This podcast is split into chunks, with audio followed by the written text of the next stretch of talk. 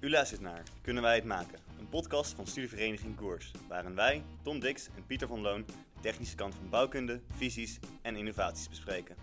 Dit doen wij samen met gasten die actief zijn in de bouwsector en hier vertellen over hun ervaring in het veld. Deze week zal de podcast gaan over bouwen met hout. Hoe doen we dat? Wat zijn de mogelijkheden die we hebben?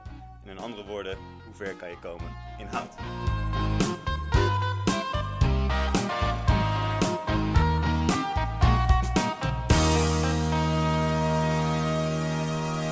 Voor we dat gaan doen, gaan we nog even reflecteren op de vorige opname, onze eerste opname met uh, Theo Salet. En wat heb je eraan overgehouden, Pieter? Het was uh, heel erg leuk om uh, zo rustig en uitgebreid te kunnen praten met Theo. En ik vond het ook mooi om, om dan zijn, zijn loopbaan een beetje te horen, hoe hij dan na studeren stond te popelen om, om toe te passen wat hij had geleerd. En uiteindelijk dat het toch weer echt begon te jeuken van ja, maar er is meer. Er moet meer onderzoek komen. Waar gaan we nou heen met de bouw en hoe die dan uh, verzeld is geraakt eigenlijk in, uh, in het betonprinten. Ja, ja, precies. Hè. En dat vind ik ook wel mooi dat je dat zegt. Uh, daar kan ik mooi op inhaken. Want dat betonprint inderdaad, daar staat hij dus vreselijk om... Vreselijk. Daar staat hij heel erg onbekend. En... Uh, wat ik dus heel mooi vond, waar ik dus heel benieuwd naar was, van, heb je dan echt zo'n tunnelvisie op betonprinten of juich je ook andere oplossingen aan? Hè? Want je, met z'n allen willen we het allemaal hetzelfde doel behalen. Hè? Dus in dat duurzaamheid, zeg maar, in de breedste zin van het woord. Um, maar kan het ook op andere manieren. En dat hij daar ook heel enthousiast op reageerde. Dat hij dus, en dat was voor mij dus eigenlijk wel een, een, een verheldering, dat hij dus niet die tunnelvisie heeft. Hij kiest zijn, in, hij kiest betonprint in dit geval. Heel logisch lijkt me dat ook. Hè? Want uh, verdeel en heers, kies gewoon daar en specialiseer. Um, maar hij laat anderen ook uh, zo hun technieken kiezen. En dat vond ik ook heel interessant. Ik heb nog wel een paar goede voornemens, want uiteraard hebben we sterk gereflecteerd van de, kan, we kunnen altijd beter. Hè? Dus heb ik als voornemen dat ik uh, veel minder uh ga zeggen. Volgens mij heb ik me er nu alweer op betrapt. Um, en we gaan sneller naar het hoofdonderwerp. Net als bij Theo uh, hebben we weer een gast aan tafel. en weer een superleuke gast volgens mij. Um, in dit geval zit Wim de Groot tegenover ons. Goedemorgen. Goedemorgen Wim. Ik zal je eerst even voorstellen, zodat de luisteraar weet wat je precies hebt gedaan. Wim die begon zijn studieloopbaan met VMBO bouwtechniek in Voorhout. Waarna hij een MBO, HBO en uiteindelijk de master bouwkunde volgde. Deze master volgde hij net als wij aan de Technische Eindhoven. Uh, na zijn master besloot Wim te gaan werken. Eerst als constructeur bij Unidec, vervolgens ook als constructeur bij ingenieursbureau Boomsma, om in 2011 over te stappen naar SHR. Borsma. Sorry? Borsma. Borsma, sorry. naar de SHR, waar hij in nog steeds uh, actief is, hè? nog steeds bij de SHR. Uh, de SHR is een uh, bedrijf dat zich richt op het testen, adviseren en delen van kennis over houtsoorten, materiaalkeuze en verwerking. In 2018 begon je met werken aan de TUE, waar je nu verschillende vakken geeft en met betrekking tot houtconstructies. En nou, je hebt je net zelf al geïntroduceerd. welkom Wim, nogmaals. Voordat we, over het, voordat we bij het hoofdonderwerp beginnen, vind ik het toch wel even interessant om uh, wat meer over jouw uh, achtergrond uh, te weten. We hebben natuurlijk, ik heb je net voorgesteld, maar, hè, want je bent bijvoorbeeld ook een enorm sportliefhebber. Ik mag graag fietsen, ja. en wat voor, een, wat voor, een, wat voor vorm beoefen je dan? Ja, de, lange afstand fietsen doe ik graag. Mm -hmm. Ik ben wel heel Europa doorgetrokken wat dat betreft. Naar, heel Europa? Ja, wel van, uh, vanaf Roemenië naar huis. dat is wel een eind fietsen, ja. Even, hoor ik het goed? Van Roemenië naar huis, gefietst? Ja. In je eentje? Ja. Met een tent achterop? Ja. Ik, maar ook wel uh, andere plekken, ook wel richting Schotland en richting, uh, richting Rome en richting, wow. richting Spanje. En afgelopen zomer was ik... ja, normaal pak ik een vliegtuig richting huis, alleen dat ging natuurlijk niet. En dan corona. Fiets, fiets mee in het vliegtuig? Ja.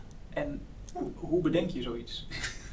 Wanneer denk je van Roemenië, dan naar huis? Nou, Roemenië kwam toevallig op mijn pad, omdat mijn collega heeft een Roemeense vrouw, die ging daar trouwen. Oké. Okay. Dus ik dacht dan uh, doe ik enkele reis. Ja, dat is goedkoper. Met, uh, met de fiets terug.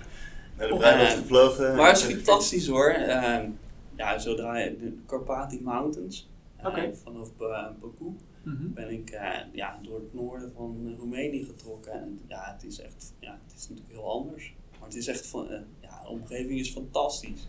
Ik kan me voorstellen. Uh, ja, Sproes wordt er vandaan, hè. Daar hebben ze de, heet die ook weer? Ja, hebben ze de viool voor Strauss.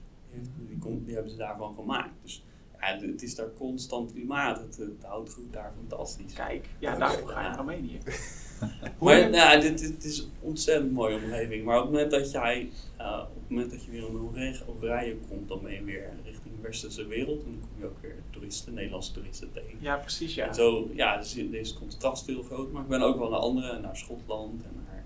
Maar afgelopen zomer ging dat niet, dus ik dacht ik ga een rondje Frankrijk doen. Rondje Frankrijk. Dus ik ben... Uh, ook een grote tourliefhebber? Of, uh... Ja, ik mag graag fietsen kijken. Dus ik ben met mijn uh, eerste deel van een 100 koolstocht begonnen. Ja, dus ja, ik, heb, ja. Uh, ja, ik heb de grootste kools, de, de Opis, Tourmalet, de, de Mont Ventoux, de, wow. de Pushmarie, die zat in de Tour, daar ben ik ook op geweest. Maar je had geen peloton om je heen? Nee, helaas. Nee, geen waterdragers. Een tent achterop. Tent achterop. Wel licht gewicht, want omhoog fietsen met gewicht, dat is wel killing. Ja, dat kan ik me voorstellen. Ja. Nog heel even over die tocht van Roemenië, want die is uh, nog wel even bijgebleven. Hoe lang heb je erover gedaan? Is het een maand? Nou, de, de, de ja, vakantie voor uh, werkende mensen wel beperkt, dus ik ben niet helemaal tot huis gekomen. Op, uh, vanaf München ergens heb ik de trein gepakt. Oh, Oké, okay, kijk. Dus, ja, dat, ja, maar dat oh, was dan. meer vanwege de beperkte tijd. Ja, precies.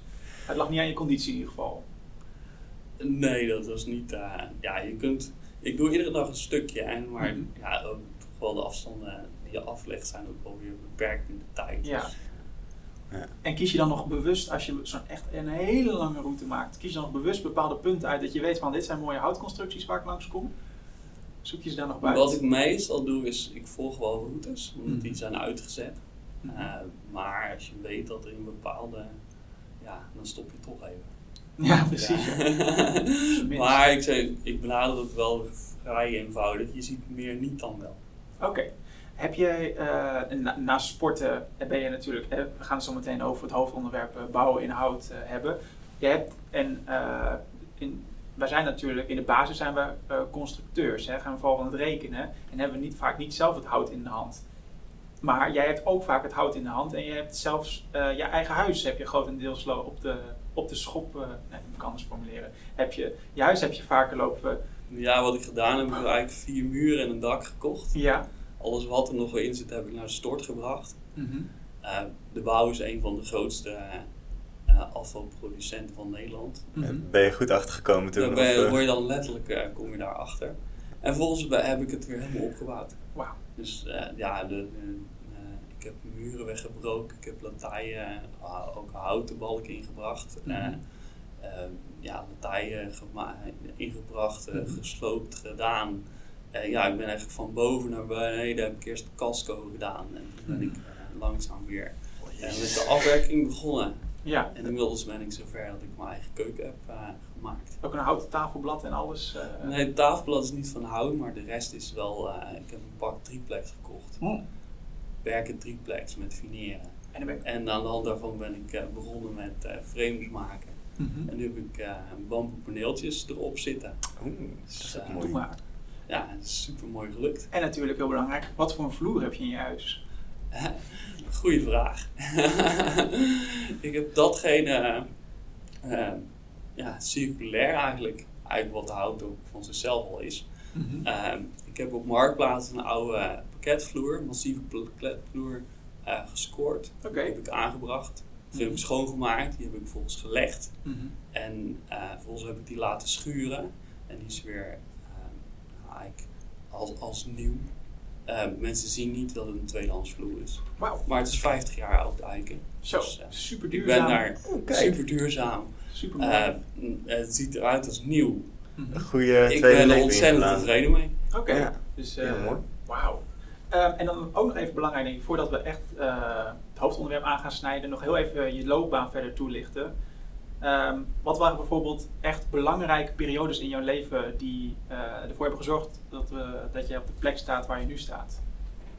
Ja, ik ben natuurlijk als klein kind wel altijd al dingen aan het maken en aan het doen. Dat was thuis. Ja, was het allemaal prima. Mijn papa vond het allemaal oké. Okay. Uh, die liet dat ook wel een beetje gaan. Dus uh, ook wel een hut aan het timmeren. En, en, en dan, ja, mijn pa vond het allemaal prima. Die vond het wel mooi. Dus Mm. ja, dat, toen ik naar middelbare school ging, was het ook niet heel, ja, kwam ook niet heel gek over dat ik graag naar een, ja, hoe zeg je dat, een vak wilde leren. Dus ik ben naar, en naar vooruit vertrokken. Mm Tenminste, daar heb ik op school gezeten en heb ik gewoon geleerd hoe je, ja, hoe je hout kunt bewerken. Dus gewoon met een hamer en een zaag en een uh, ben er hadverbindingen maken, ook zwaluwstaartverbindingen van heel klein. Gewoon uh, hoe maak je iets, hoe denk je iets, hoe, maak je, ja, hoe ga je het maken mhm. en hoe, ja, hoe leer je dat? Tot eigenlijk later. Uh, toen ik naar de MTS ging, heb ik ook al stage in de bouw, ook al bij een restauratieadviesbureau stage gelopen. Een ontzettend leuke tijd. Ik zat midden in Haarlem, waar we rond aan het restaureren en dat eh, was eigenlijk precies op het moment dat, uh, dat het parkeergarage naast de grote BAVO werd gebouwd. Dus nou, ze gingen daar met diep wanden en 30 meter nou, Zo. een heel eind de grond in. Ik weet niet hoe ver het was, maar het was een heel eind. Mhm. Ehm, en ze waren toch wel wat bang voor de uh, oude Sint-Bavo voor scheuren. Dus uh, ik werd uh, door Anne Papetiet, dat was echt geweldig, werd ik de kerk ingestuurd om, om pleisters te zetten op alle bestaande scheuren. Om te kijken of ja, of dat uh, intact zou blijven. Ik moest helaas twee keer, want de eerste keer hadden we toch niet goed pleister gebruikt. Maar het is fantastisch om in ja, zo'n machtig groot gebouw uh, ja, overal te komen. Want ja. ik, ben overal op de gewelven achter, overal ben ik geweest. Ja. Dus ja, ik vond het geweldig. En later ook wel in de siermatige woningbouw, ook wel als timmerman uh, stage gelopen. Mm En Theo refereerde naar beton storten. Nou, ik heb dat zelf ook gedaan. Dat is ja, super zwaar dat die mensen ja, met vroeg pensioen mogen. En ja, voor mij echt volkomen logisch. Wij kregen niet voor niets als we stort hadden afgerond stortkoketten. Meestal was je wel echt gesloopt. Lekker.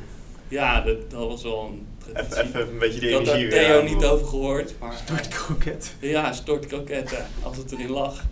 Ja, onze uitvoerder deed het heel handig. Even een kleine beloning erbij.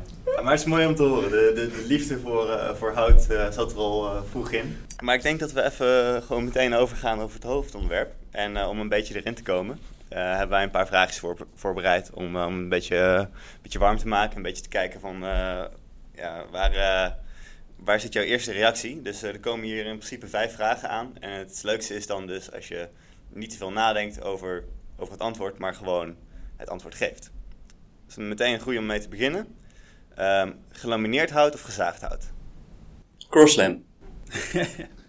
dus voor de luisteraar, dat uh, rekenen we tot gelamineerd.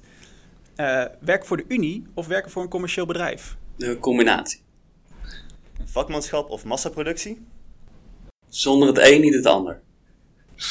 Uh, hoogbouw of laagbouw? Allemaal. En uh, staal of hout? Ja, hout natuurlijk. Oké, okay, mooi zo. En als je staal, tussen staal of beton moet kiezen, nooit meer hout dus?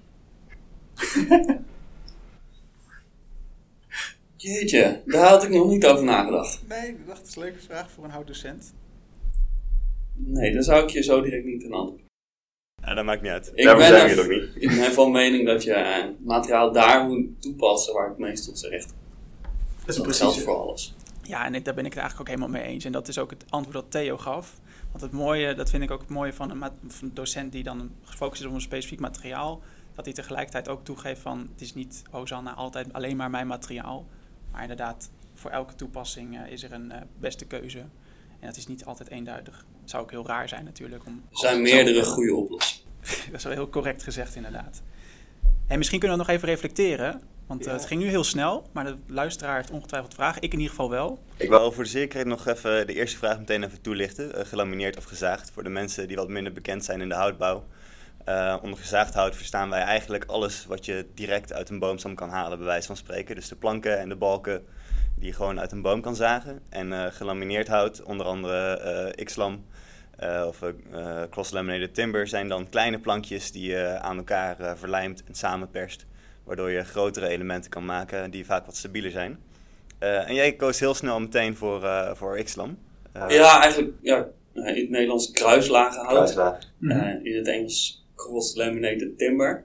Ja. Uh, of afgekort CLT. Dat is eigenlijk wel de, de doorsnee term. term die we eigenlijk ook in het Nederlands wel hanteren. En eigenlijk sinds de, sinds de uitzending van Tegenlicht hoef ik dat eigenlijk niet meer zo heel erg uit te leggen wat Crosslem is.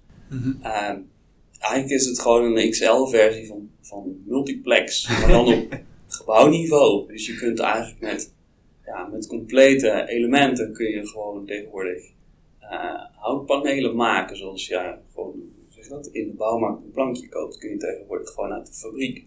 Kun je gewoon een compleet wandelement laten maken. Zo. Gewoon in één keer je gevel uh, kant klaar. In één keer kun je een gevel laten maken en prefabriceren. Waardoor je natuurlijk ja, ontzettend kunt ontzettend doelmatig bouwen, prefabriceren. Mhm. En ik denk dat dat precies past in het idee hoe wij de komende tijd uh, uh, de, bouw, uh, ja, bouw, de bouw moeten gaan of zullen gaan benaderen. Want ik denk dat dat al lang gaande is. Dus ik hoor daar tussendoor een beetje eigenlijk, een, een van jouw voorkeuren voor CLT is um, dat je het op een hele grote mate kan voorfabriceren en op het werk relatief weinig hoeft te doen dan. In principe is de, Theo had het vorige podcast over de, industrie 4.0. Dat je tegenwoordig uh, met een computer een maatwerkproduct kunt maken. Ik denk dat onze houtindustrie wat dat betreft ook al redelijk ver is. Uh, wat je ziet is dat er tegenwoordig uh, volledig geautomatiseerd wordt gewerkt. de meeste, of eigenlijk bijna alle fabrieken, die hebben CNC-machines. Dus de productie is eigenlijk volledig geautomatiseerd.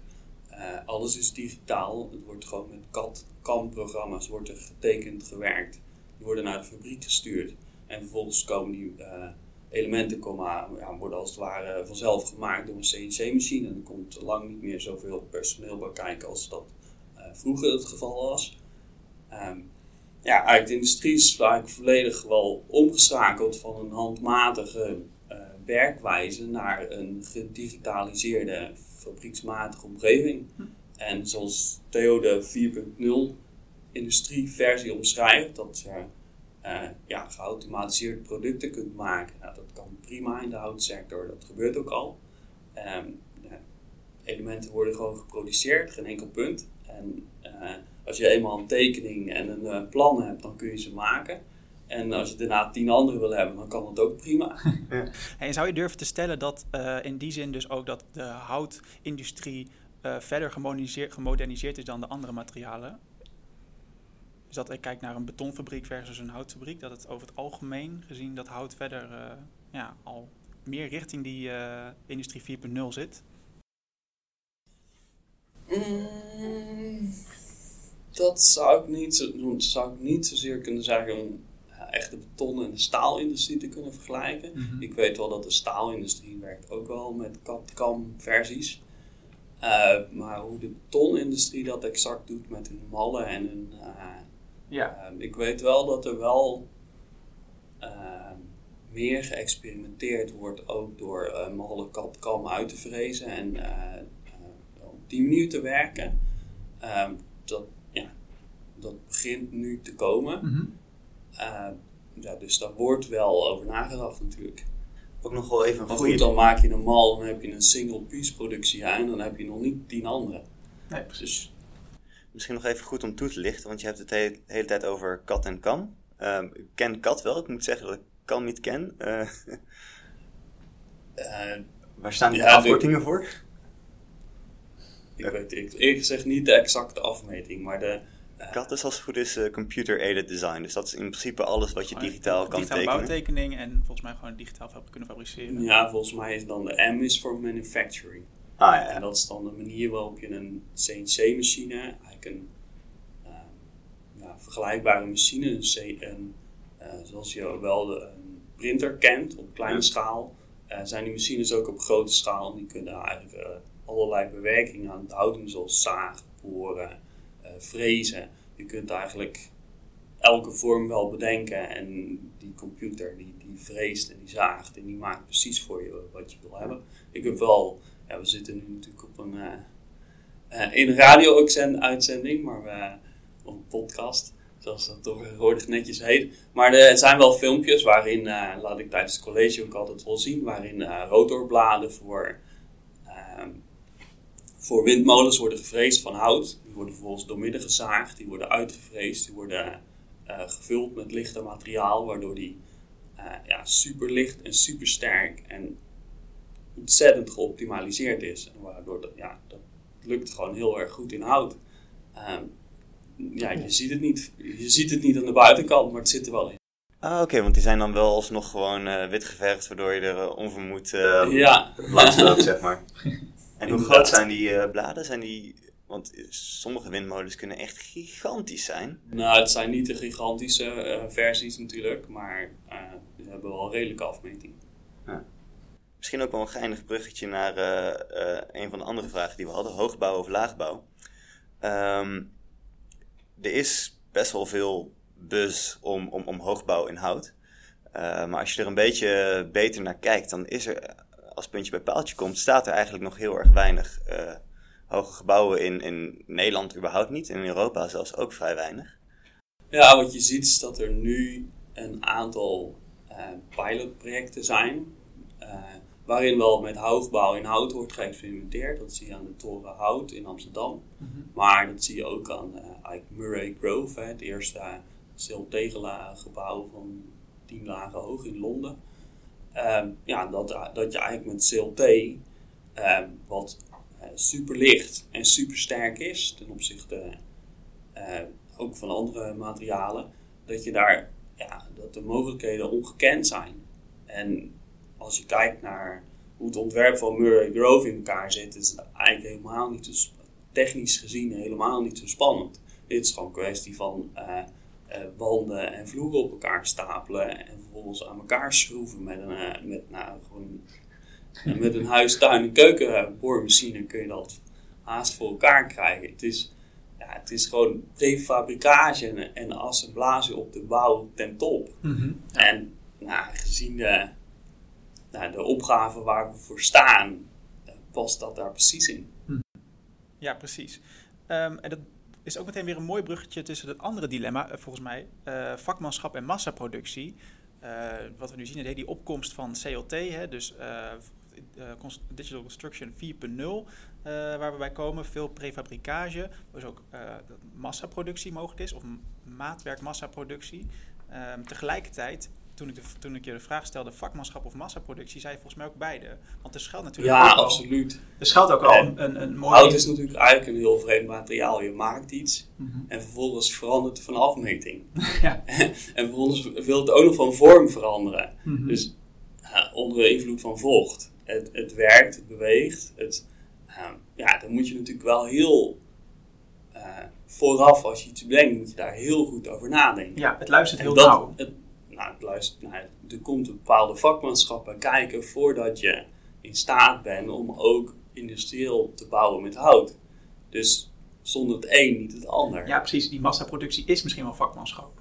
Absoluut, want anders dan krijg je dat nog, als je, als je het niet in de vingers hebt, krijg je het nooit voor elkaar. Ja, precies. En ja, dus je hebt van beide nodig. Mm -hmm. Maar wat je nu vooral ziet, is dat de, de productie van CLT's in 10 jaar tijd is verdubbeld. Oké. Okay. zeg ik niet helemaal goed. Um, ja, in 10 jaar tijd is de productie verdubbeld. En waarschijnlijk de komende periode zal dat nog een keer gebeuren. Maar wat nodig is, is ja, die fabrieken die komen er, die, die staan ook in de planning. Mm -hmm. uh, maar wat nodig is, is mensen die in staat zijn om. Um, in principe, het enige wat de fabriek wil, is elementen produceren. Ja. En uh, die zitten niet in het voortraject. Hoe ontwikkel ik een woning? Hoe groot moet die afmeten? Ja, wat zijn de afmetingen? Hoe maak ik ontwerp? Hoe dimensioneer en bereken ik dat? Mm -hmm. Nee, die willen gewoon elementen produceren. Ja. En die investeren niet in um, ja, menselijk, uh, zeg je dat, het menselijk kapitaal wat nodig is om, ja. uh, die, uh, hoe zeg je dat, om, die, om dat voorwerk te doen. Dat is niet hun business. Mm -hmm. En ja, die mensen zijn er op dit moment gewoon niet. En nou, dat is wel nodig om dat voor elkaar te krijgen. Dus wat dat betreft denk ik dat jullie wel in de goede hoek zitten.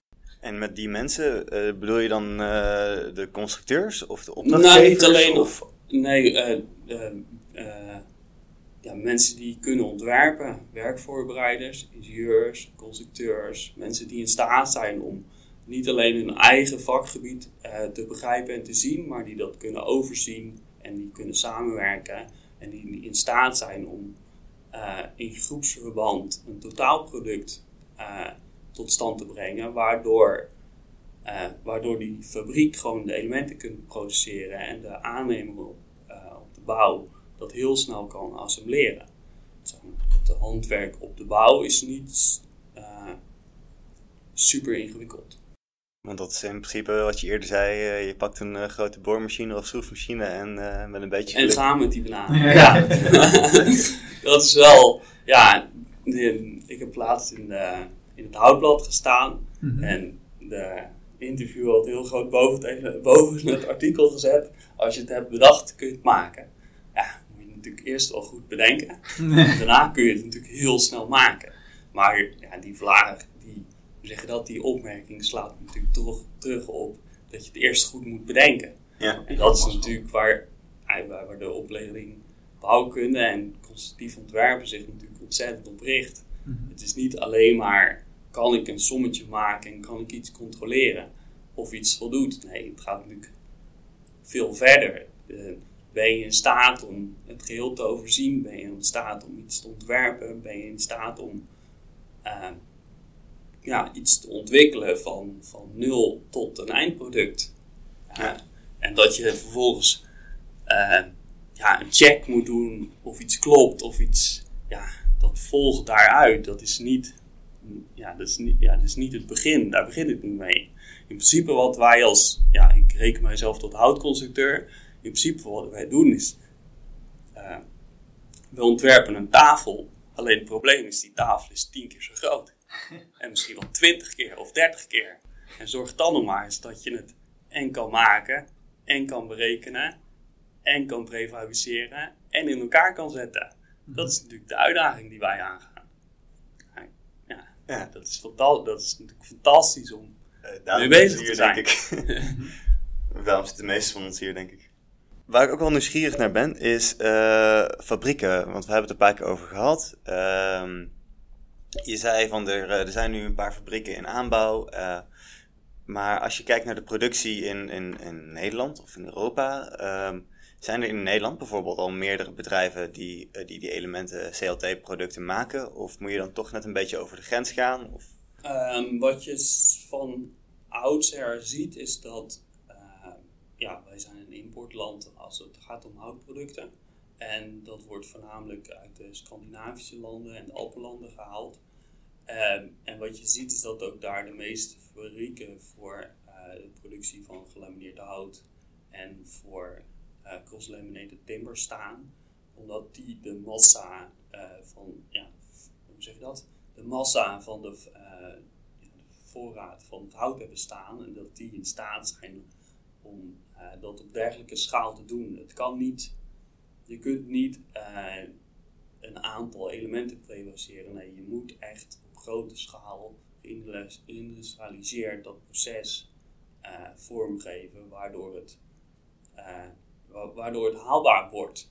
En wat je ziet is dat uh, dat, dat eerst gedaan is voor gelamineerd hout.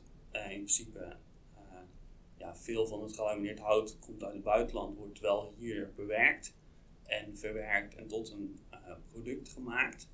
En dat zie je nu ook met CLT, dat dat ook ja, geïndustrialiseerd wordt. En, en wat ik van de producenten begrijp is dat de prijs van CLT al richting de prijs van gelamineerd hout gaat. En dat die niet uh, ontzettend hoog is. Uh, volgens mij is de kubsprijs is ongeveer 600, 650 euro. Uh, dus als je dat vergelijkt met ja, hoeveel materiaal er werkelijk in een woning of in een gebouw wordt verwerkt, dan valt dat echt reuze mee. Mm -hmm. mensen hebben vaak de beleving van de bouwmarkt, waar ze voor een, ja, een viertal, twee en drie behoorlijk hoge prijs moeten neertellen. En dat vervolgens omslaan naar prijs voor een houten huis. Mm dat is absoluut niet het geval. Uh, als je het op grote schaal doet, dan hoeft dat niet tegen dergelijke kosten. Ja, precies. Bij de bouwmarkt zijn gewoon hele andere marges. Dat is een andere beleving, ja. ja. je eh. betaalt vooral voor de beleving. beleving. in principe is die boom zoals die in, die bos, in het bos groeit, is, ja, nou, landbouw, bosbouwgrond is, de waarde van bosbouwgrond is zo laag dat de kosten van bomen is eigenlijk bijna gratis. Ja, precies. De, ja, de, hoe zeg je dat? De, uh, de kosten beginnen pas te draaien op het moment dat je hem kapt en je gaat hem drogen verwerken. Mm -hmm. de, de, bewerking die je erop loslaat, die uh, vind je terug in de kostprijs. Okay. Maar die beleving van de consument van ik ga nooit iets in hout bouwen, want het is onbetaalbaar, dat is helemaal niet het geval. Als je kijkt naar de toren hout in Amsterdam, mm -hmm. als je dat had uitgerekend met de kostprijs voor een 2 en 3 in de bouwmarkt, had dat nooit gekund. nee, dat is absoluut ondenkbaar. Ja, maar zelf volgens mij als je met zakken cement uh, uit de bouwmarkt uh, iets gaat metselen, op grote schaal, dan ben je volgens mij ook net iets duurder uit dan dat je het groot in Ja, natuurlijk. Maar um, mm -hmm. ja, dat soort projecten kunnen alleen maar doordat het betaalbaar is. Ja, ja. Het, geeft gewoon aan dat, dat het haalbaar is. Mm -hmm. En nou, zo'n hoogbouwproject is natuurlijk een super uitdagend project. En zeker voor een ontwikkelaar, want die stopt daar natuurlijk een ontzettend groot vermogen in. Wat pas vrijkomt op het moment dat hij la het laatste uh, element toevoegt aan het gebouw. Want mm -hmm. voor die tijd kan hij niks verhuren. Zolang die kraan daar staat, kunnen er geen bewoners in. Dus die heeft een enorme rentelast. Mm -hmm. um, dus dat kan alleen maar als je ontzettend snel gaat bouwen. Ja. Dat, nou, het geeft gewoon aan dat dat lukt in hout. Anders had je dat nooit. -hmm. Anders waren ze er nooit aan begonnen. Dat is gewoon uitgedacht, geprefrapt en, en gewoon on-site uh, ja, ontzettend snel in elkaar. Je noemt fantastische voordelen. Net, we gingen net over dus eigenlijk dat de, misschien het vooroordeel dat hout echt uh, heel duur is om in te ontwerpen, dat ontkracht je eigenlijk bij deze. Of als je op grote schaal gaat kijken, dan hoeft het niet eens veel duurder te zijn dan de reguliere materialen. Je zegt ook tegelijkertijd is de bouwsnelheid heel interessant vanwege het prefabricaat. Daar ga ik ook, struikel ik ook over. Het prefab gehalte. Um, wat zijn nog meer voor jou echt drijfveren als jij, uh, als jij moet gaan uitleggen uh, waarom jij echt voor hout hebt gekozen? Wat, zijn nou, wat is de kracht van hout voor jou? Ja, er zijn natuurlijk heel veel argumenten over duurzaamheid en bedenken. Maar ja, voor mij is gewoon hout het mooiste materiaal om iets mee te maken. Mm -hmm. ik heb als kind, hoe zeg je dat? Ik heb LTS gedaan, hè? dus ik heb ja, vroeger met een hamer en een zaag.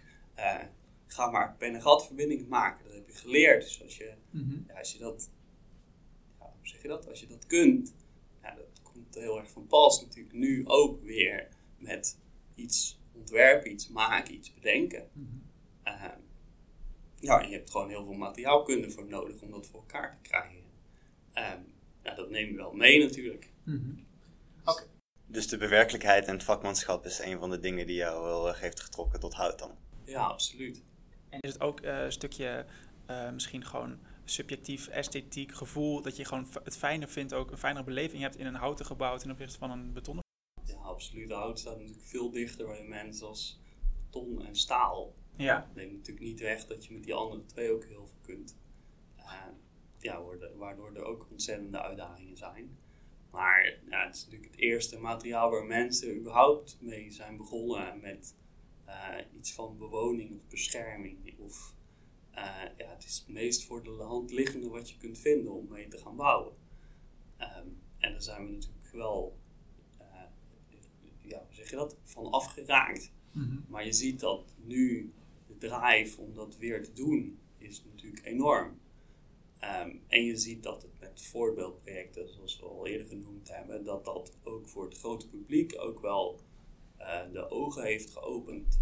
Als ik refereer naar de, uh, de tegenlicht-uitzending van, uh, over de houtbouwers. Mm -hmm. um, voorheen, eigenlijk voor die tijd, is eigenlijk wel opmerkelijk dat je. ja, hoe zeg je dat? Ik bouw in hout, dat is heel gewoon voor mij. Mm -hmm. um, maar na die uitzending is het ook voor mensen, hoe zeg je dat? Voor mensen die niet bekend zijn in de bouw, eigenlijk heel, ja, heeft het wel de ogen geopend dat het wel kan en dat het niet ja. onmogelijk is en dat het ook zeker wel gebeurt. Ja, precies. En ik denk dat dat al zo was. Ik denk dat 90% van de mensen onder een houten dak woont. Um, ik denk dat 90% van de mensen die in een houten kleedbouwwoning wonen het eigenlijk niet eens doorhebben. Mhm. Er zit metselwerk aan de buitenkant en het stuukwerk is wit. Mhm. Eh, dus dat je- de beleving dat er in hout wordt gebouwd, ja, die is er natuurlijk niet. Mhm. Eh, maar dat heeft wel heel veel ogen geopend dat het wel kan. Mhm. En dat het er eigenlijk ook al wel gebeurt. Ja, dus Het eigenlijk is één, niet, het is, ja, Mhm. heeft één zo'n documentaire heeft eigenlijk best wel in één keer van de een op de andere dag de publieke opinie weten te ver- verschuiven eigenlijk. Waarbij de mensen het ik eigenlijk niet denk eens... dat dat al wel een tijdje aan het borrelen was. En dat Ja. ze daar bij de tegenlichte uitzending wel goed op ingehaakt Ja, die zijn. gaf eh, het laatste zetje misschien wel. Ehm, en dat is in En, principe... en je ziet ook nu dat eh, het idee van bouwen verandert. Hè? De, wat er voorheen gebouwd werd, werd aangeboden door de aannemers. Zo gaan we het maken. Mhm. En als je aan een aannemer vraagt, kunt je in hout maken, zegt hij eerst nee. Als je daarna nog twee keer vraagt, zegt hij nog twee keer nee. en als je zegt, ik wil alleen maar dit hebben, zegt hij, ja, misschien moet je bij een ander zijn. Oh.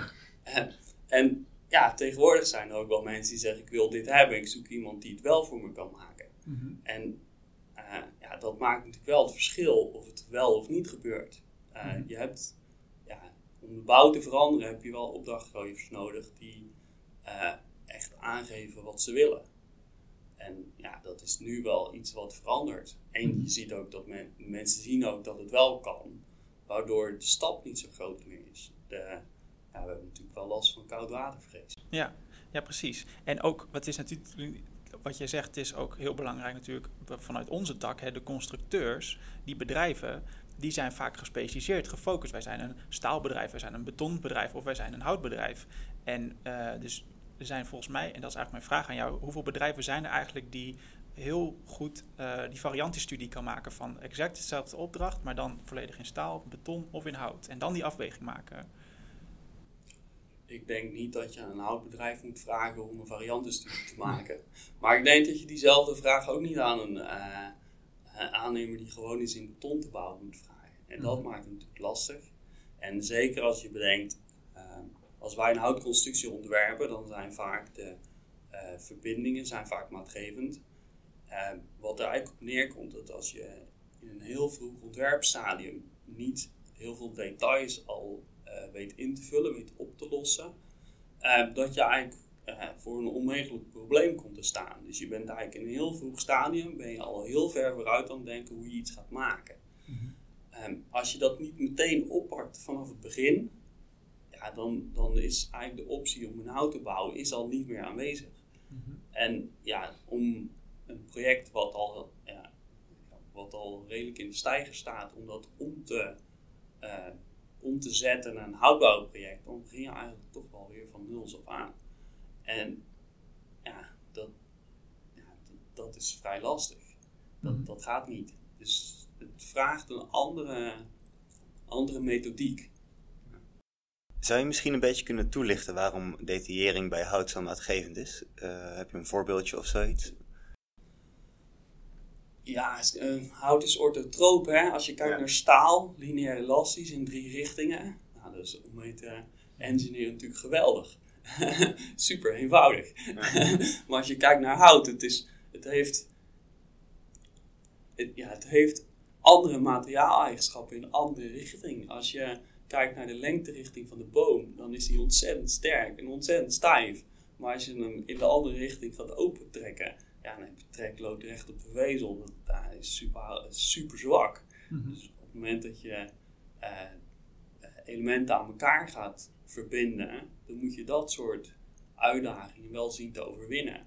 Eh, en dat zie je terug in verbindingen. Dus daar, ja, die moet je zien op te lossen. Ja, oké. Dus het is heel erg vanaf het begin heel bewust zijn van het feit dat je niet zomaar iets kan ophangen tegen de vezelrichting in. En dat je op een bepaalde Nee, manier slim die verbindingen op zoveel mogelijk druk moet proberen op te een doen. goede manier eh, Mhm. ja, eigenlijk je totaal totaalconcept oplossen, waardoor er geen eh, ja, wa- waardoor je het wel echt kan maken. Ja. Ehm, als je kijkt naar eh, als je ontwerpt in staal, dan ontwerp je de hoofdafmetingen.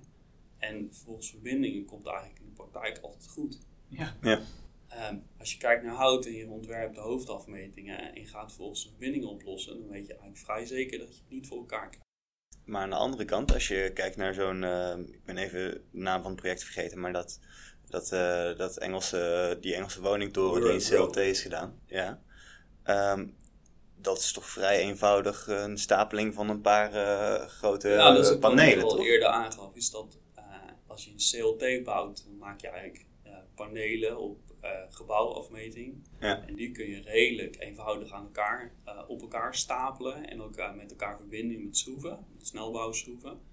Uh, ja, daardoor is het CLT-concept bouwen in CLT natuurlijk zo ontzettend doelmatig. Het is eigenlijk het enige materiaal wat je. als, je een, als je een maquette bouwt hè, hm. en je maakt het van karton, dan kun je van stukjes karton, die kun je aan elkaar lijmen. En dan kun je alle vormen van bedenken die je maar kunt bedenken. Op het moment dat je dat gaat opschalen en je zoekt een materiaal, dan heb je een uitdaging. Want je hebt niet een materiaal wat eigenlijk eenzelfde vlak en 3D-afmeting heeft als dat stukje karton. Mhm. Als je het, als je het al bedenkt in hout skeletbouw, dan worden het onderregels, tussenregels. Je moet het aan elkaar, ja, je moet het uit, verschillende deeltjes opbouwen om een hele element te maken. Ja. Nou, dat geldt voor beton ook. Je moet een mal bouwen om die vorm te kunnen krijgen. Dat geldt voor staal ook. Je hebt niet staalplaten in die maat. Ehm, nee, dat, dat is er niet. Maar op het moment dat je opschaalt en je maakt het van CLT, dan wordt het dezelfde plak. En je schroeft het op, nou, in plaats van die lijm in die maquette, schroef je het aan elkaar met schroeven. En het is precies dezelfde methodiek. Ja, oké. dus dat is de, dat, wat dat betreft is dat de makkelijkste bouwmethodiek met hout, als het ware. Ja. Wat mij eigenlijk opvalt uh, tijdens dit gesprek, of wat mij steeds meer, de, de vraag die mij heel erg uh, opkomt nu, is uh, ook, ik merk het aan mezelf, ik word steeds weer gewoon, nou, dat misschien ook wel logisch, maar ik word weer heel enthousiast over hout en ik hoop de luisteraar ook. En tegelijkertijd hoor, hè, ik ben natuurlijk student hier, is het houtonderwijs hier, je bent momenteel de enige houtdocent. En zonder jou waren we er gewoon niet, volgens mij is het niet een beetje eh, tegenstrijdig? Dat je aan de ene kant ziet dat je een enorme opmars hebt in hout. En tegelijkertijd ben je de kleinste materiaaltak op onze. Uh, ik ben heel blij dat uh, ja, mijn werkgever ons in staat stelt om uh, ja, mij hier één dag in de week ja, in de gelegenheid te stellen om jullie onderwijs aan te bieden. Mm -hmm. daar ben ik super happy mee en daar heb ik ja, echt veel plezier in. Mm -hmm. ja, maar je ziet dat de huidige omstandigheden niet zo zijn dat daar standaard uh, voor gekozen wordt. Ja. En dat is toch wel spijtig, want uh, ik denk wel dat de vraagkant uh, enorm groeiende is en dat we dat zeker moeten faciliteren. Dus. Ja, precies. Want als ik dat zo zie, is dat. En natuurlijk, er is altijd innovatie in staal en beton. Die zijn natuurlijk nooit klaar met onderzoeken. Maar zeker wat je eigenlijk net aangeeft, dus de, de vraag naar, naar hout is zo immens. Als je dat even kijkt naar, en we pakken nu even specifiek Eindhoven, want die is voor mij bekend. Daar is de leerstoel, die is minimaal. Dus eigenlijk zou ik denken van zet daar vier, vijf uh, personen op. Waarom gebeurt dat niet? Ja, dat is niet aan mij, hè? Nee, maar dat zou je ik eerlijk zeggen. Dat zou je zelf liever ook wel zien, neem ik aan. Dat er gewoon meer onderzoek dat de vraag er wel is. En van twee kanten ook, vanuit studenten en mhm. ook vanuit de markt. Als ik kijk naar bedrijven die echt ja, het, het springen op personeel, mensen met vakkennis, mhm. met vaardigheden. Uh, en ja, met, ja, met, hoe zeg je dat? De studenten bouwkunde die constructief ontwerpen hebben gestudeerd, die hebben zo, ja, die hebben in no time een baan gevonden, ook in de houtindustrie. Mm dus ik denk dat die, uh, ja, dat die vraagkant er zeker al is. Maar ja, dat heeft natuurlijk te maken met hoe organiseert onderwijs, hoe is dat gefinancierd. Uh, de, hoe zeg je dat? Dat speelt op de achtergrond natuurlijk wel, maar uh, die vraag had je misschien beter aan Theo kunnen stellen. Ja, precies. Want dat was eigenlijk mijn vraag van waar, aan wie, bij, wie, aan wie, bij wie moet ik aan de deur kloppen om uh, de houtstoel te vergroten? Ik zeg niet dat ik dat ga doen, maar als je dat zou willen. Nou, wij doen dat natuurlijk zelf ook wel bij een organisatie als Centrum Hout. Mm -hmm. Ondersteunen ons inmiddels ook wel om ook uh, mijn positie wat, uh, ja, wat, ja, hoe zeg je dat? Uh, dat het ook echt wel mogelijk blijft. maar wellicht ook vanuit de universiteit natuurlijk. In principe heeft de universiteit primair een taak om onderwijs te verzorgen. Ja. ja, precies. Want het is je vervult natuurlijk meerdere functies. je geeft eh, niet alleen onderwijs, maar je begeleidt ook onderzoek. En doe je ook zelf onderzoek? Er zijn wel wat onderzoeksprojecten aan het opstarten. Daar kan ik nog niet zoveel over zeggen. En ik heb een onderzoeksproject draaien waar we bezig zijn met gelamineerd hout in Akoya. Kijken of we daar uh, sterktewaardes beter kunnen voorspellen. Mhm. Als je ziet wat er er zijn wel een aantal projecten in gelamineerd en Akoya gemaakt. De provincie Sneek is daar een goed voorbeeld van. Mhm. Alleen is daar uh, heel specifiek voor het project is er hout geselecteerd en uh, verwerkt. Uh, maar specifiek voor dat project is, is dat gemaakt en is een sterkteklasse bepaald. het zou natuurlijk ontzettend mooi zijn als dat product ook toegankelijk, standaard toegankelijk wordt in gelamineerd hout, waardoor de afmetingen natuurlijk veel groter zijn als gewoon gezaagd hout, wat nu natuurlijk veel in Koya wordt gebruikt. Mhm. maar goed, daar is wel onderzoek voor nodig ehm, om dat voor elkaar te krijgen. En daar zijn we nu, hebben we nu de eerste stappen voor gezet. Ellen van der Tillaert is bezig met haar afstudeerproject. Okay. En uh, die is in het lab, is een trektest aan het uitvoeren op Akoya. En kijken of ze aan de hand van uh, het meten van de E-modulus de treksterkte kunnen voorspellen. Zodat ze met die uh, gegevens ook de buigsterkte van gelamineerd hout ja. Ja, mee, ja, mede kan voorspellen. Ja, dat ja, worden nu de eerste stappen voor gezet. Maar mm er is wel ja, er is wel meer voor nodig. en dat, ja, hoe zeg je dat? Dat kan niet de universiteit zelf kan dat niet financieren. Daar zijn wel uh, derden gelden voor nodig. Die natuurlijk wel, ja, die moeten, hoe zeg je dat? Daar is wel, die moeten er wel zijn en die moeten wel vrijgemaakt worden. Uh, ja, dat is wel, zeg je dat? Een dingetje. Uh, nou ja, daar moet wel voor gekozen worden. En als je ziet wat nu, ik weet dat station Ede is een aanbesteding. Mhm. Daar gaat straks 3000 kub hout in. Nou, dat zeg je waarschijnlijk qua volume niet veel, maar dat is anderhalf keer zoveel als wat er in station Rotterdam is verwerkt. Zo. In de kapconstructie. Waarvan twee derde ongeveer gelamineerd Akoya is. Um, ja, daar moet wel straks een sterkteklasse voor af worden gegeven. En die is op dit moment nou, niet. Mm maar zo'n project wordt wel aanbesteed. En die wordt wel in de markt gezet, maar die vraag begint natuurlijk op te borrelen. Maar om, eh, zeg je dat, eh, zeg je dat, het project wordt aanbesteed, maar zonder de vraag van hoe gaan we hiermee om? Ja, bijzonder. Iemand die zegt ik bouw het en dan uh, ja, maar uh, wat is het eigenlijk precies? Nou, vervolgens komt die vraag natuurlijk wel opborrelen. Maar er wordt niet vooraf gedacht van laten we eens wat onderzoek. Laten we, mhm. Ik bedoel, het gaat om een enorme budget daar. Ja. Maar er wordt niet gedacht van laten we is alvast wat geld wegzetten om onderzoek te doen, zodat we dat straks makkelijker gestructureerd krijgen. Ja, ik vind dat toch wel zonde. Mhm. En dit voorbeeld, en dit, dit, hebben we ook eigenlijk in principe ook, het doet me denken wat we eerder hebben besproken, van je moet eerst echt over de details nadenken, goed scherp hebben wat je wilt doen, voordat je ook echt kan zeggen, dit gaan we bouwen. En tegelijkertijd dan denk ik ook aan een ander project, heel relevant aan de overkant bij ons, is het eerder het plan gepresenteerd over de Dutch Mountains, jou ook misschien wel bekend. Doe me heel erg aan denken. Gigantisch plan, ook weer een hoogbouwproject, hoogste houten toren in Nederland. Zo is het project eh, in de markt gezet volgens mij. En ik heb het uh, bedrijf ook benaderd om uh, een artikel te willen schrijven voor de, voor de cursief. Van heel interessant, lijkt me heel interessant.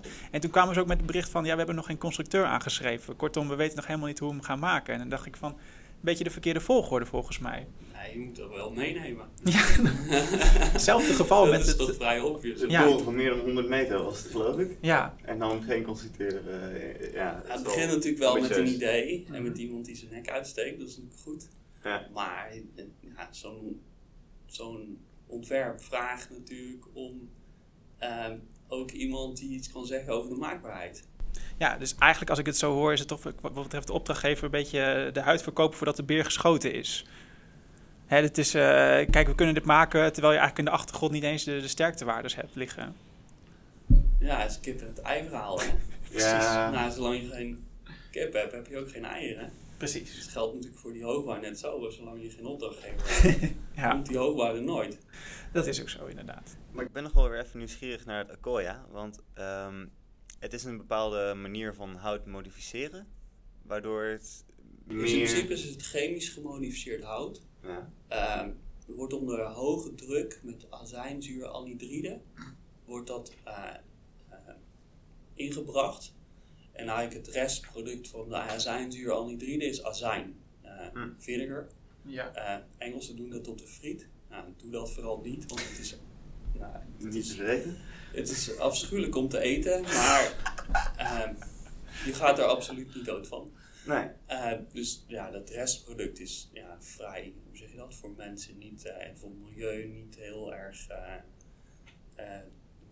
Het is behoorlijk onschadelijk. Wat onschadelijk, inderdaad. Dus, ja, en het product wat je daaraan overhoudt is, eh, ja, is eigenlijk, eh, ja, het is eh, super duurzaam. De, duurzaamheid, de hoogste duurzaamheidsklasse die we hebben.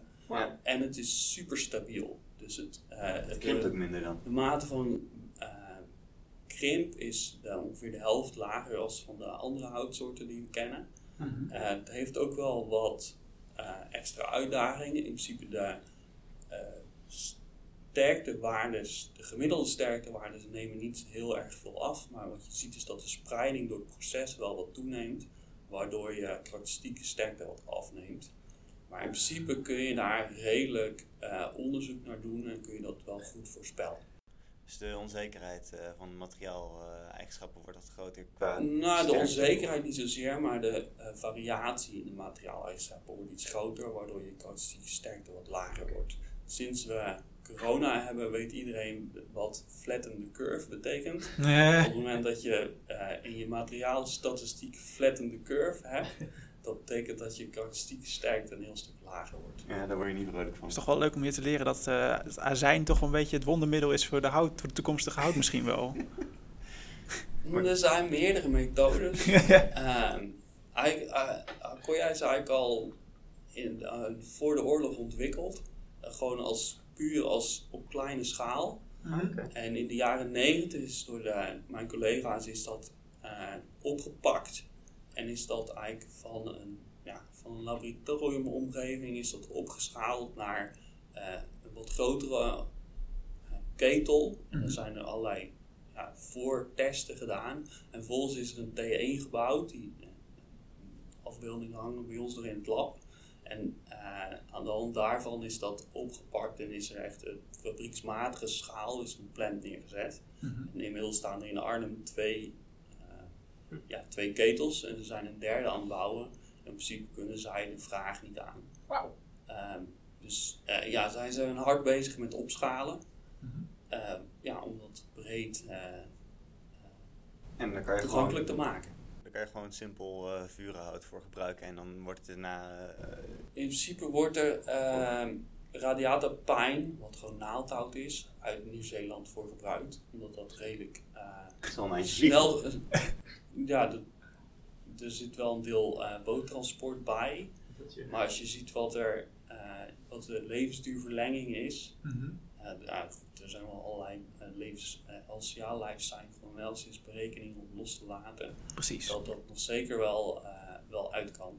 Ja, En wat je ziet is dat het radiatenpijn, die, wordt, die bomen, die worden, eh daar worden takken van afgehaald, waardoor eh, de, wat er daarna nog aangegroeid is eh, behoorlijk foutvrij.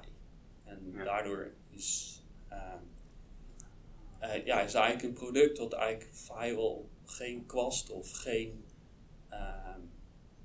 ja, re- onregelmatigheden omvat, waardoor het super geschikt is om eh, bijvoorbeeld voor kozijnhout en voor eh, dat soort eh, producten te gebruiken.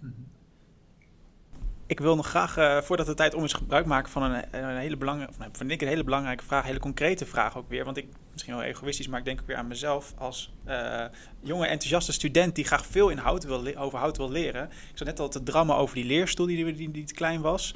Maar ik had nog een ander puntje waar ik eh vragen over wilde stellen. Ehm, elk jaar gaan we natuurlijk op schoolreis naar de betondag. Eh, we gaan ook eh, naar de staalbouwdag, als die niet online is. Ehm, waar, is mijn, waar is mijn houtcongres, eh, jaarlijkse houtcongres als constructeur waar ik bij kan zijn? En er is sowieso, ieder jaar is een onderzoeksmiddag.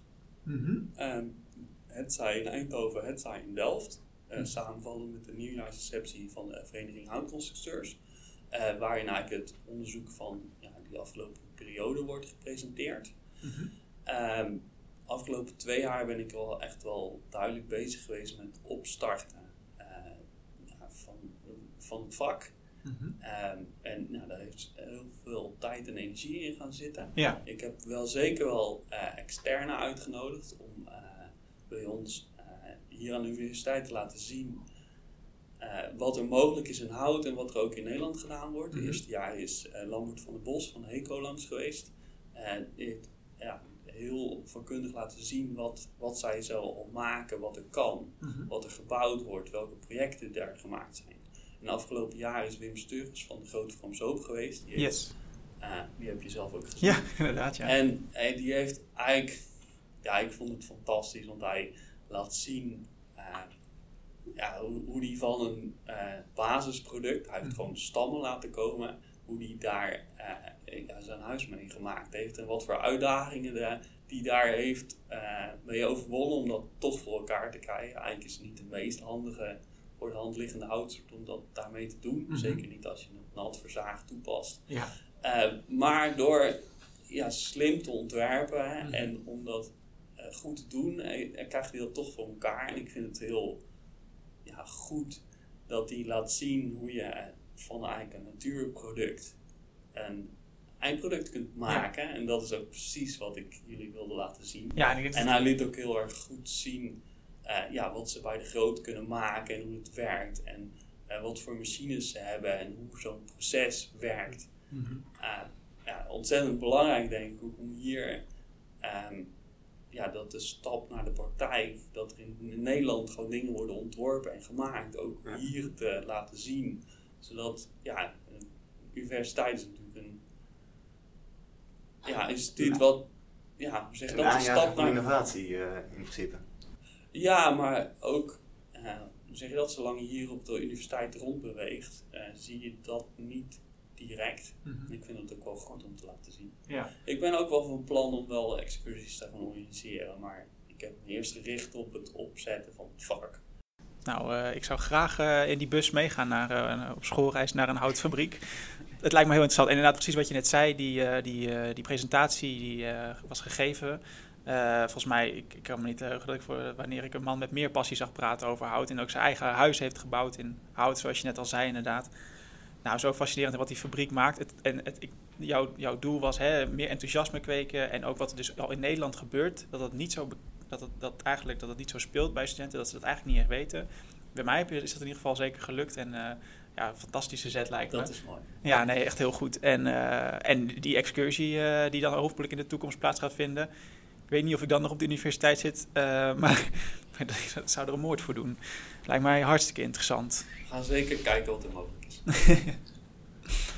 ik denk uh, dat we langzamerhand richting het, uh, het, einde moeten. Ja, weer met pijn in mijn hart. Maar uh, wat dat betreft, natuurlijk nog. Ehm, we hebben nu al de, de, de ambities gehoord om excursies in de toekomst te organiseren. En ehm, uh, een beetje de vraag naar de ontbrekende houtdag. Maar um, wat, uh, wat verwacht jij nog meer voor de toekomst, voor, voor hout, uh, wat die gaat brengen? Nou, ik denk dat we wel in een flow zitten dat, er, ehm, dat, we, ja, dat we in een opkomende markt zitten. Waarin ja, steeds meer ja, mogelijk wordt en kan. En dat er ook aan ons wordt getrokken om bepaalde dingen te gaan doen en maken. waardoor het ja, ook wel wat, uh, wel, ja, waardoor de mogelijkheden weer wat groter worden. En ik denk dat dat wel, ja, dat het een leuke situatie is. We zitten aan de vooravond van de innovatie en de, de standaardisatie, uh, wat dat betreft ook hopelijk. Heb je nog bepaalde concrete doelen die je hebt voor jezelf gesteld? Waar jij bijvoorbeeld met het houtonderwijs heen wil? Of gewoon met, met, met gewoon de houtbranche in het algemeen? Uh, nou, sowieso het, het, onderwijs goed verzorgen. Mm -hmm en ja, ik denk dat het een combinatie is van uh, enerzijds ja, zoveel mogelijk, ja, hoe zeg je dat, goed college geven, maar anderzijds ook uh, studenten activerend onderwijs. niet alleen maar luisteren en tot je nemen, maar ook het zelf eigen maken door ermee bezig te zijn. En ik denk dat als we het voor elkaar kunnen krijgen om bijvoorbeeld projecten. Wat je ziet is dat Arjen Haamraak bijvoorbeeld in het lab is, die is met uh, robotica bezig. En in principe kan dat ook op hout worden toegepast. Nou, het zou natuurlijk fantastisch zijn als studenten hier ook leren hoe ze dergelijke processen kunnen vormgeven als dat ook in hout kan. Mhm. En in principe de industrie kan dat zelf ook. Dus ehm, ja, volgens mij 1 en 1 is 2. Als studenten leert hoe dat werkt, dan kunnen ze dat vervolgens meteen in de praktijk toepassen. Eh, ja, dat zou fantastisch zijn als ook dat soort dingen mogelijk Hartstikke mooie visie op de toekomst. Ja, en leuk trouwens eh, dat je Arjen Habraken noemt, want hij hebben we ook eh, binnenkort te gast. Eh, hij schuift ook aan. Kijk, dus En dat dan, is dan een mooi bruggetje. Ja. Daar gaan we daar eh, nog vol over. Doe Arjan de groeten. Zo helemaal goed. Arjan Eh. heeft de constructeursprijs gewonnen. Dus daar moet je Ja. hem sowieso mee feliciteren. Ja, ja, absoluut. Zeker gaan. Het is wel eh, ja, heel vet. Heel vet om, eh, om zo iemand ook nog eh, bij ons, eh, bij ons ja, te gast te krijgen. Ja, precies. De grote der aarde schuiven aan tafel bij ons. Eh, Wim, hartstikke bedankt voor, voor het komen. Eh, ik heb er in ieder geval ontzettend veel van geleerd. Ik hoop dat je het leuk vond om Nou, hier te zijn. dank. Succes met de verdere eh, afleveringen natuurlijk. Dankjewel. Ehm u luisterde naar Kunnen we het maken? Eh, gepresenteerd door mij, Tom Dix en eh, Pieter van Loon. Tot slot willen we de commissie die heeft geholpen voor deze podcast eh, ontzettend bedanken. En natuurlijk eh, jij bedankt voor het luisteren. Eh, wil je graag reageren op deze aflevering? Dat kan door te mailen naar podcast.koerstue.nl Of, wat natuurlijk ook kan en misschien nog veel leuker, is door onze Instagram te volgen. Dat is @koersief. Daarin vind je ook allemaal extra informatie over deze podcast en kun je ook dus reageren. Recensies kun je plaatsen op iTunes. Dit helpt anderen bij het vinden van de podcast en ons bij het verbeteren van de show. Over twee weken zijn we terug met onze volgende aflevering. Voor nu, bedankt voor het luisteren en tot ziens.